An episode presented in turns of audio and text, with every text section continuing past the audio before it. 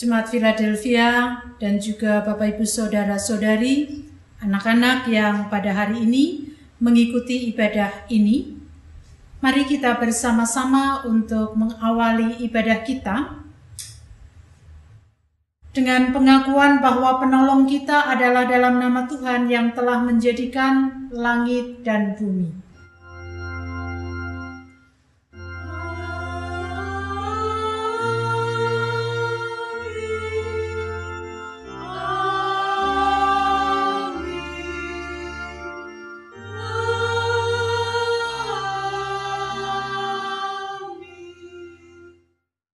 Kasih karunia dan damai sejahtera dari Allah Bapa kita dan dari Tuhan Yesus Kristus menyertai saudara sekalian dan menyertai saudara juga.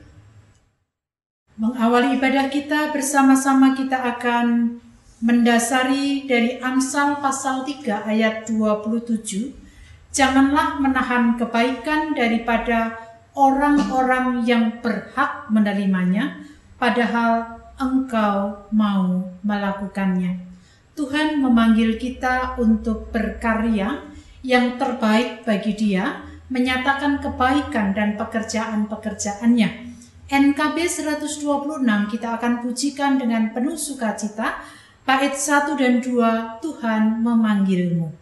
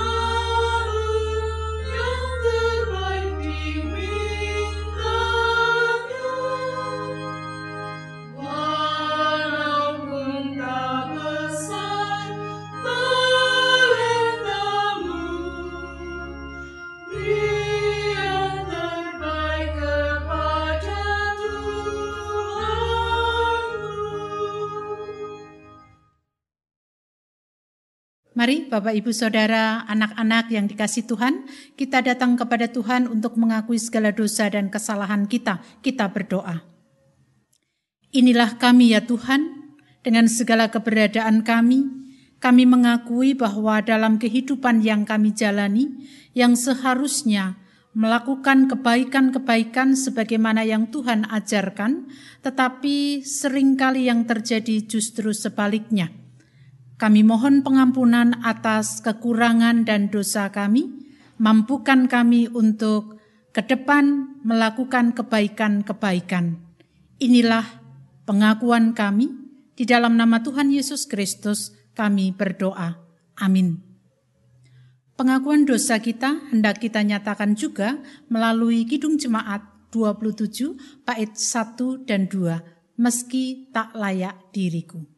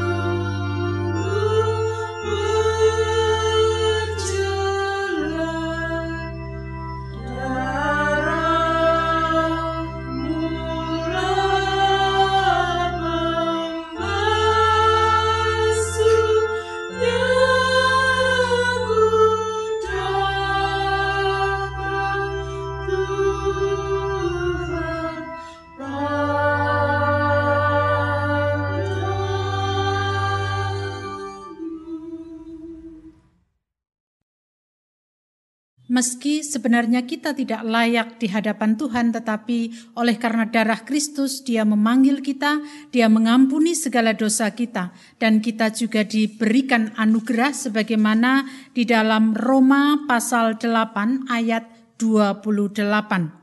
Kita tahu sekarang bahwa Allah turut bekerja dalam segala sesuatu untuk mendatangkan kebaikan bagi mereka yang mengasihi Dia yaitu bagi mereka yang terpanggil sesuai dengan rencana Allah.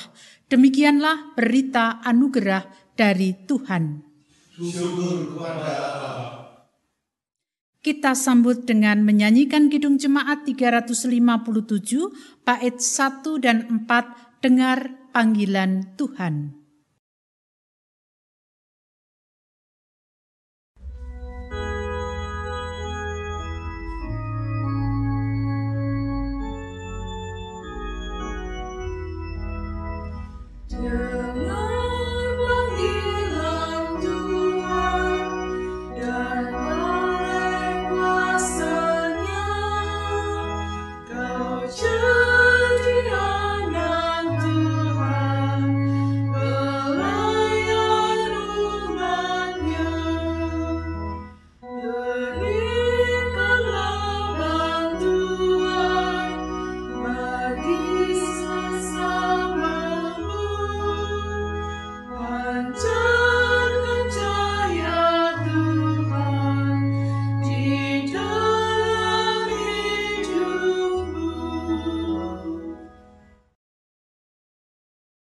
Kita bersama-sama mempersiapkan hati kita untuk menerima kesaksian kebenaran firman-Nya. Terlebih dahulu kita akan berdoa. Tuhan Allah Surgawi, kami bersyukur pada pagi hari ini Tuhan kembali hendak mengajar kami untuk menjadi bekal dalam kehidupan kami di tengah dunia ini. Biarlah kuasa Roh Kudus sendiri yang akan menaungi kami, sehingga apa yang kami dengarkan bisa kami renungkan dan kami wujud nyatakan dalam kehidupan keseharian kami. Inilah doa kami di dalam nama Tuhan Yesus Kristus. Kami berdoa. Amin. Bacaan Injil pada hari ini terambil dari Matius pasal 9 ayat 35 sampai dengan pasal 10 ayat 8. Matius pasal 9 ayat 35 sampai dengan pasal 10 ayat 8. Demikian kesaksian kebenaran firman-Nya. Belas kasihan Yesus terhadap orang banyak. Demikianlah Yesus berkeliling ke semua kota dan desa. Ia mengajar dalam rumah-rumah ibadat dan memberitakan Injil Kerajaan Surga serta melenyapkan segala penyakit dan kelemahan.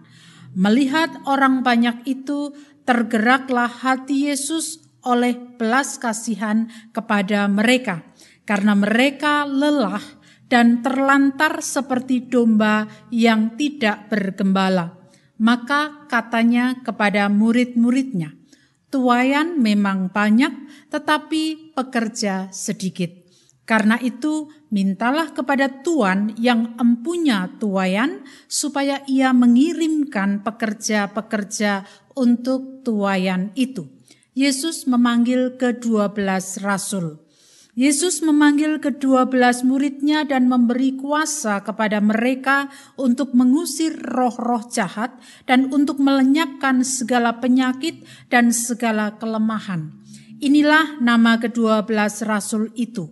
Pertama, Simon yang disebut Petrus dan Andreas saudaranya, dan Yakobus anak Zebedeus dan Yohanes saudaranya, Filipus dan Bartolomeus, Thomas dan Matius pemungut cukai, Yakobus anak Alfeus dan Tadeus, Simon orang Selot dan Yudas Iskariot yang mengkhianati dia.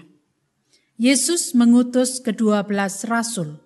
Kedua belas murid itu diutus oleh Yesus dan ia berpesan kepada mereka, Janganlah kamu menyimpang ke jalan bangsa lain atau masuk ke dalam kota orang Samaria melainkan pergilah kepada domba-domba yang hilang dari umat Israel. Pergilah dan beritakanlah kerajaan sorga sudah dekat. Sembuhkanlah orang sakit, bangkitkanlah orang mati, tahirkanlah orang kusta, usirlah setan-setan. Kamu telah memperolehnya dengan cuma-cuma, karena itu berikanlah pula dengan cuma-cuma. Demikian Injil Yesus Kristus dengan segala kebenarannya. Berbahagialah kita yang mau mendengarkan, merenungkan, bahkan melaksanakan dalam kehidupan sehari-hari. Haleluya!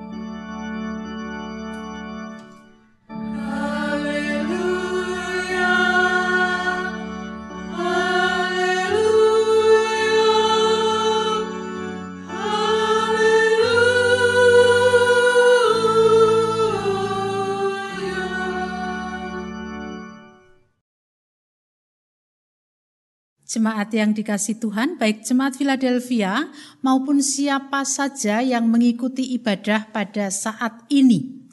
Tema kita pada hari ini, lepaskan kebaikan dengan cuma-cuma.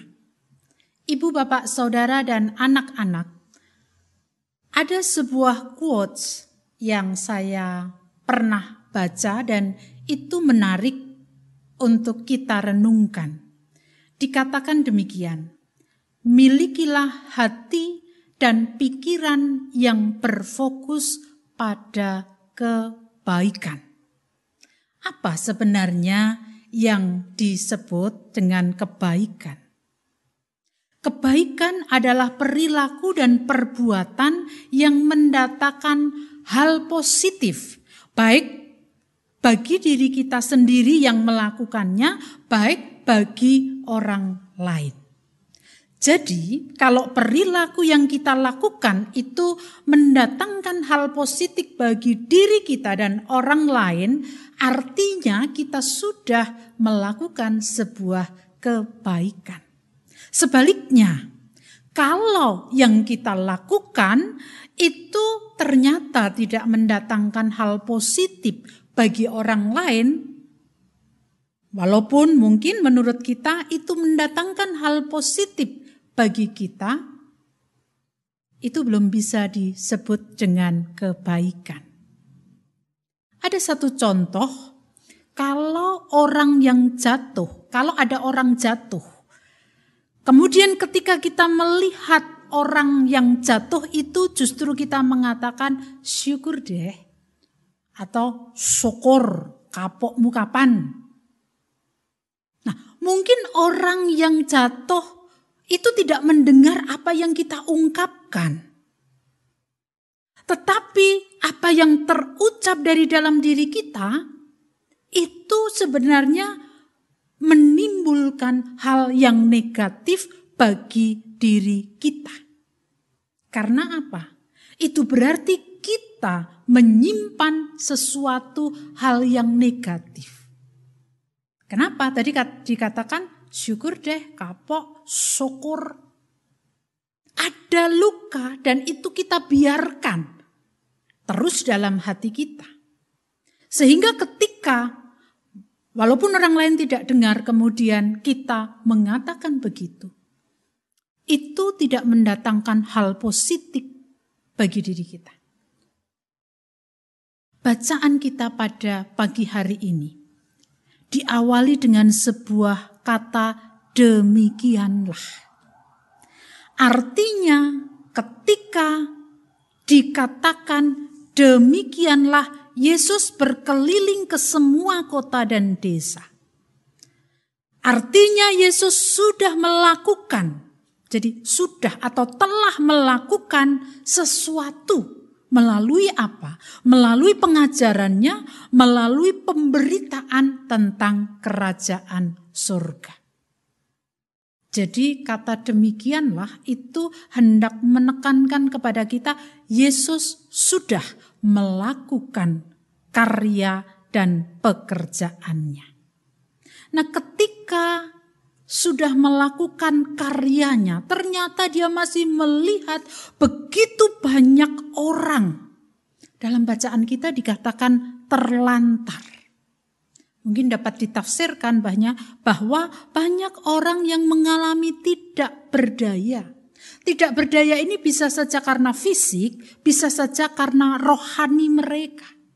Dan ketika Yesus melihat banyak sekali orang yang tidak berdaya, kepada para murid dia mengatakan, tuayan memang banyak, tetapi pekerja sedikit.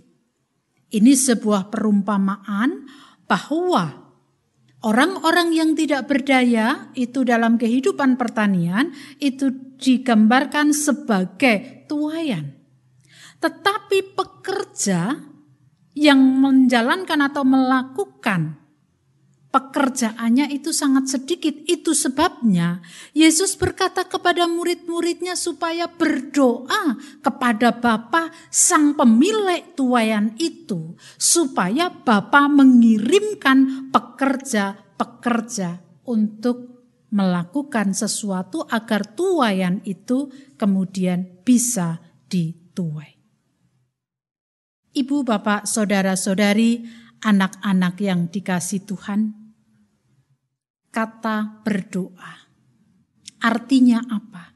Artinya ketika para murid diajar oleh Yesus bahwa memang untuk melakukan segala sesuatu itu harus diawali dengan doa.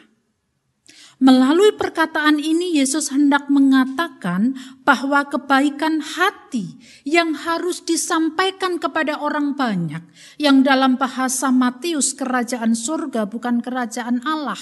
Karena dalam budaya pada waktu itu mereka uh, sangat enggan untuk menyebut Allah, maka kata Allah itu diganti surga. Itu sebabnya surga dalam bacaan ini memakai S besar.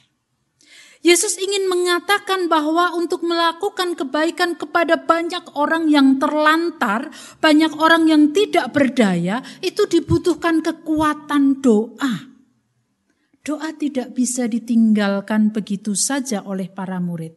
Itulah sebabnya ketika mereka berdoa dalam perikop selanjutnya, ada sebuah jawaban atas doa di mana Yesus kemudian memanggil para murid untuk menjadi pekerja. Dengan kata lain, Para murid dipanggil untuk melakukan kebaikan-kebaikan, pekerjaan-pekerjaan Allah. Kepada siapa? Kepada orang-orang yang tidak berdaya. Matius membatasi bahwa pemberitaan Injil atau pemberitaan tentang kerajaan surga terlebih dahulu diperuntukkan untuk orang-orang Israel yang mengalami ketidakberdayaan. Dan pemberitaan kerajaan surga ini bukan suatu hal yang ada di awang-awang. Yang namanya kerajaan surga itu adalah sesuatu yang konkret, yang harus nyata dapat dilihat oleh banyak orang. Sehingga ketika ada orang yang mengalami tidak berdaya dan ia membutuhkan kekuatan, ketika ada orang yang mengalami sakit dan dia membutuhkan kesembuhan, ketika ada orang yang dibelenggu oleh setan dan dia membutuhkan kelepasan. Itulah pekerjaan yang harus disampaikan oleh para murid. Itulah kerajaan sorga yang harus disampaikan oleh para murid di dalam kehidupan nyata. Jadi kerajaan sorga bukan ada di sebuah tempat yang tidak jelas. Tetapi kerajaan sorga ada di bumi di mana ketika ada yang tidak berdaya ada pertolongan, ada kebaikan yang dinyatakan. Itu adalah sebuah tindakan konkret yang harus dilakukan oleh para murid. Pesan Yesus kepada para murid dalam pemberitaan kerajaan surga harus dilakukan dengan cuma-cuma. Para murid sudah dipesan kalau melakukan kebaikan, kalau memberitakan kerajaan surga, jangan punya pikiran untuk mendapatkan imbalan. Jangan punya pikiran bahwa orang itu akan membalas. Mengapa? Karena para murid sudah terlebih dahulu mendapatkan secara cuma-cuma juga. Maka kebaikan yang dikerjakan oleh para murid itu pun harus diberikan secara cuma-cuma. Ibu, bapak, saudara, anak-anak yang diberkati Tuhan, melalui bacaan pada saat ini, apa yang dapat kita renungkan dan juga kita lakukan dalam kehidupan sehari-hari. Harus disadari bahwa saat ini banyak sekali orang yang mengalami ketidakberdayaan secara ekonomi. Banyak orang yang di PHK, banyak orang yang dirumahkan, banyak orang yang betul-betul harus berjuang keras untuk mendapatkan makan sehari-hari saja sudah sulit. Itu ketidakberdayaan secara ekonomi terjadi dan kita lihat setiap hari di tengah kehidupan kita. Secara sosial, banyak orang tersingkir.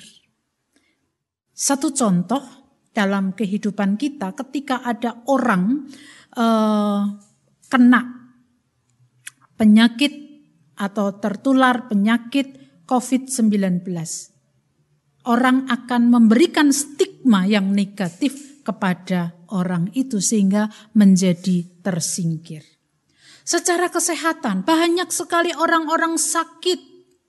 Secara psikologi banyak orang yang mengalami ketertekanan Itulah ketidakberdayaan-ketidakberdayaan yang ada di tengah kehidupan kita. Nah, ketika itu ada, sebenarnya Yesus juga hendak mengatakan kepada kita bahwa tuayan banyak, pekerja sedikit, maka kita dipanggil juga untuk menjadi pekerja-pekerja, untuk menjadi orang-orang yang bersedia melepaskan kebaikan, melakukan kebaikan kepada semua orang dengan cuma-cuma. Apa yang harus kita kerjakan pertama kali? Sebagaimana para murid, pertama adalah doa.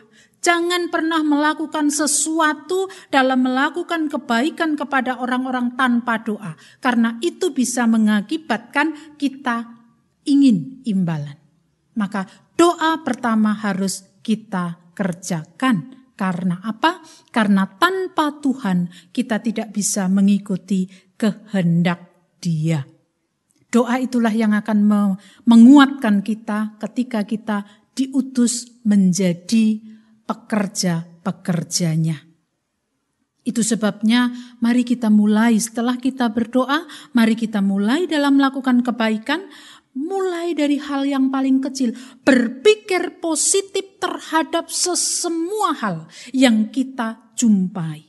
Karena pemikiran positif itu yang akan membuat kita dapat berempati kepada orang lain. Hal yang selanjutnya yang bisa kita kerjakan adalah terus mengingat kebaikan-kebaikan Tuhan kepada diri kita yang diberikan itu dengan cuma-cuma. Dan hal itulah yang akan membuat kita dapat juga berbuat baik kepada orang lain dengan cuma-cuma tanpa berpikir imbalan, tanpa berpikir dia mau baik kepada kita atau tidak. Ada banyak orang yang membutuhkan kebaikan hati. Hati yang tulus, hati yang ikhlas. Maka mari kita melepaskan kebaikan dengan cuma-cuma. Dengan didasari doa, melalui cara berpikir kita, melalui tutur kata kita, dan juga perbuatan yang nyata. Dengan demikian, ketika Tuhan memanggil kita menjadi utusannya, kita dapat melakukan dengan sebaik-baiknya. Amin. Saat teduh bagi kita semua.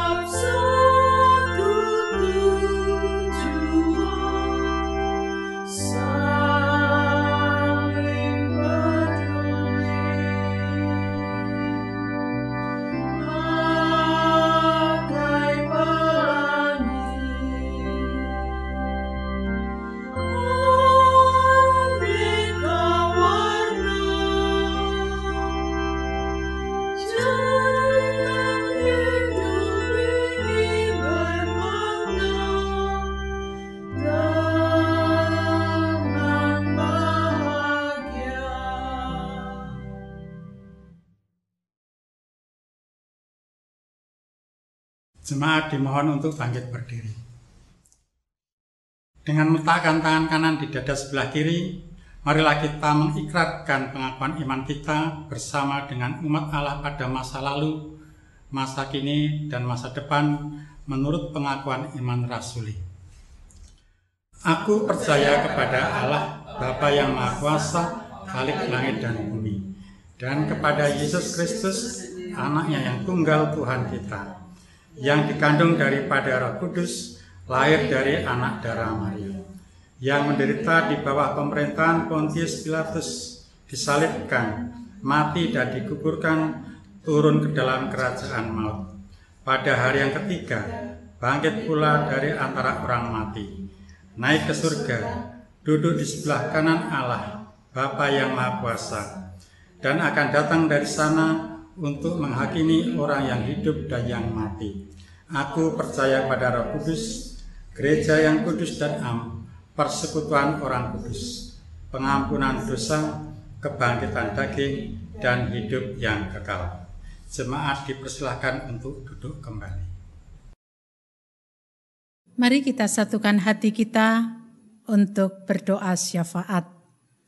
Tuhan Allah yang memelihara hidup kami, Terima kasih untuk kebaikan-kebaikan Tuhan yang nyata dalam kehidupan kami dan mampukan kami untuk menyatakan kebaikan-kebaikan itu kepada setiap orang yang kami jumpai, baik melalui paradigma berpikir kami, tutur kata kami, dan tingkah laku kami.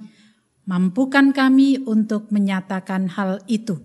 Di tengah ibadah saat ini kami mengingat akan keberadaan negeri dan bangsa ini yang sementara waktu sedang mempersiapkan diri untuk memasuki kehidupan new normal. Ada begitu banyak hal yang harus dipersiapkan, baik oleh pemerintah maupun masyarakat secara umum. Kiranya Tuhan mampukan baik pemerintah dan masyarakat untuk saling mendukung, demi kehidupan bangsa dan negara ini menjadi lebih baik lagi. Berkati setiap upaya dalam menghadapi pandemi virus COVID-19 supaya apa yang kami kerjakan itu tidak mendatangkan keburukan tetapi justru mendatangkan kebaikan. Pada pagi hari ini kami juga berdoa untuk gereja-gereja Tuhan yang masih harus tetap beribadah di rumah masing-masing oleh karena situasi dan kondisi dan kalaupun sudah ada yang mulai akan beribadah kiranya Tuhan pun juga menolong kami semuanya untuk bijak melihat situasi yang ada supaya apa yang kami kerjakan tidak akan menimbulkan hal-hal buruk dalam kehidupan kami. Saat ini kami berdoa untuk jemaat Philadelphia dengan segala pergumulannya, terkhusus bagi saudara-saudara kami yang terus berjuang untuk mendapatkan kesehatan, baik melalui kontrol rutin dan juga melalui upaya-upaya lain. Kiranya Tuhan memberkatinya supaya melalui apa yang dikerjakannya saudara-saudara kami mendapatkan kekuatan bahkan kesembuhan dari Tuhan. Kami sebut Bapak Mariman, Bapak Nugro Yulianto, Bapak Widiat Mojo, Bapak Suratijo, Bapak Mugiarto Hadi, Ibu Arista Kurniawati, Ibu Wartini Widiat Mojo, dan juga yang tidak bisa kami sebut, dan mereka membutuhkan pertolongan. Kiranya Tuhan menolong dan menjamah mereka. Keluarga yang harus berjuang mendampingi, Tuhan pun memberkati mereka. Bagi saudara-saudara kami yang sedang berjuang untuk pemulihan ekonomi yang sementara waktu lalu betul-betul harus berada di bawah, Kiranya Tuhan pun juga menolong kami, memberikan semangat kepada kami, supaya kehidupan ekonomi kami semakin hari akan semakin lebih baik dengan cara-cara yang boleh kami kerjakan, yang Tuhan kehendaki untuk kami kerjakan. Kami serahkan juga untuk persoalan-persoalan yang tidak bisa kami sebut, Kiranya Tuhan pun juga menolong kami supaya melalui persoalan-persoalan yang ada kami semakin dapat melihat bagaimana Tuhan berkarya dan baik untuk kami. Anak-anak kami dalam studi mereka dan jikalau sudah mereka sudah selesai dari tugas-tugas dalam kenaikan kelas, kiranya Tuhan pun juga memberkati mereka dalam uh, keseharian mereka berikan kesabaran kepada mereka. Orang tua yang harus mencukupi kebutuhan mereka, Tuhan pun juga memberkatinya. Inilah doa harapan kami kepada Engkau ya Tuhan. Kesempurnaan atas doa ini kami serahkan di dalam nama Tuhan kami Yesus Kristus yang telah mengajarkan kepada kami doa Bapa kami.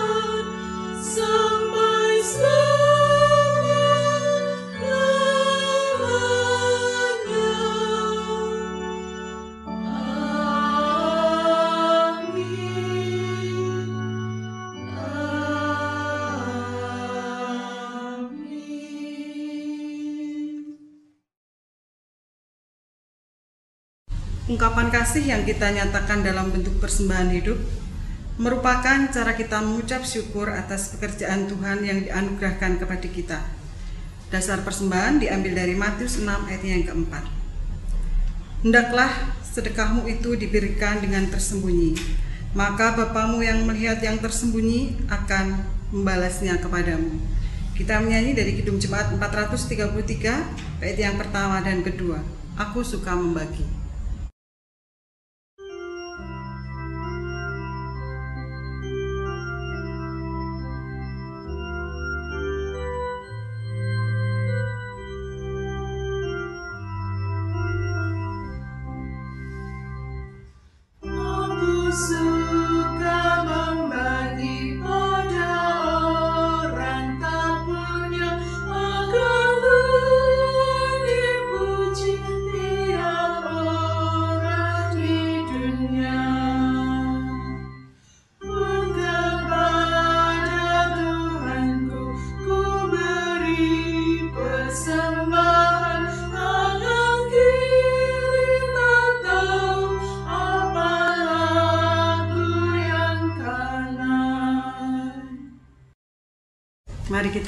Haturkan persembahan kita dalam doa.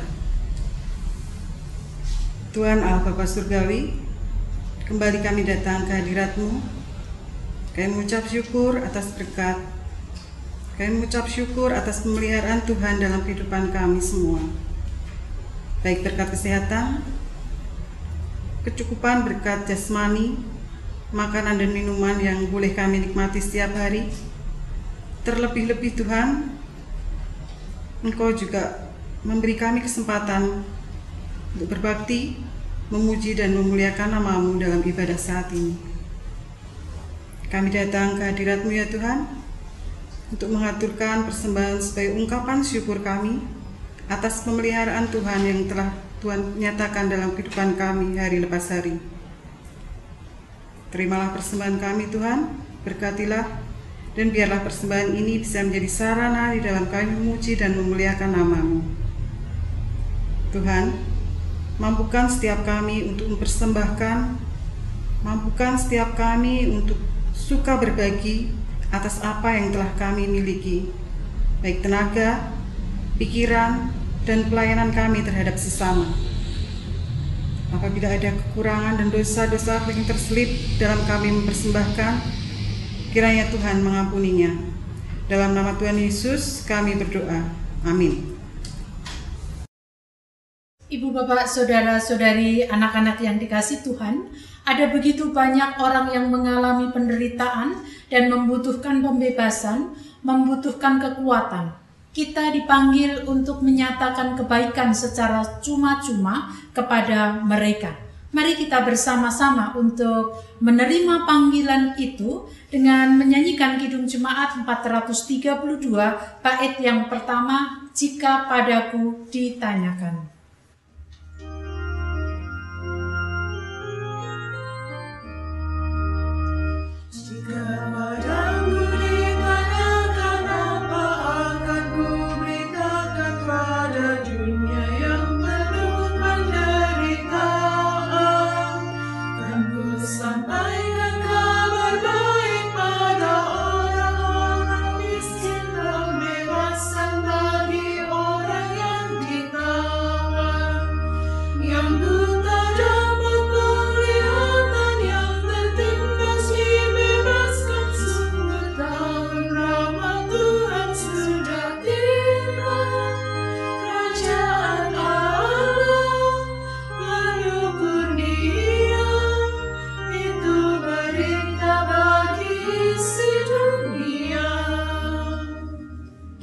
Arahkanlah hatimu kepada Tuhan. Kita akhiri ibadah kita di rumah masing-masing dengan sukacita. Kita lanjutkan hidup kita dan terus berkarya bagi Tuhan melalui kebaikan-kebaikan kita.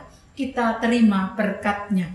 Kasih karunia Tuhan Yesus Kristus dan kasih Allah Bapa serta persekutuan Roh Kudus menyertai saudara sekalian selama-lamanya.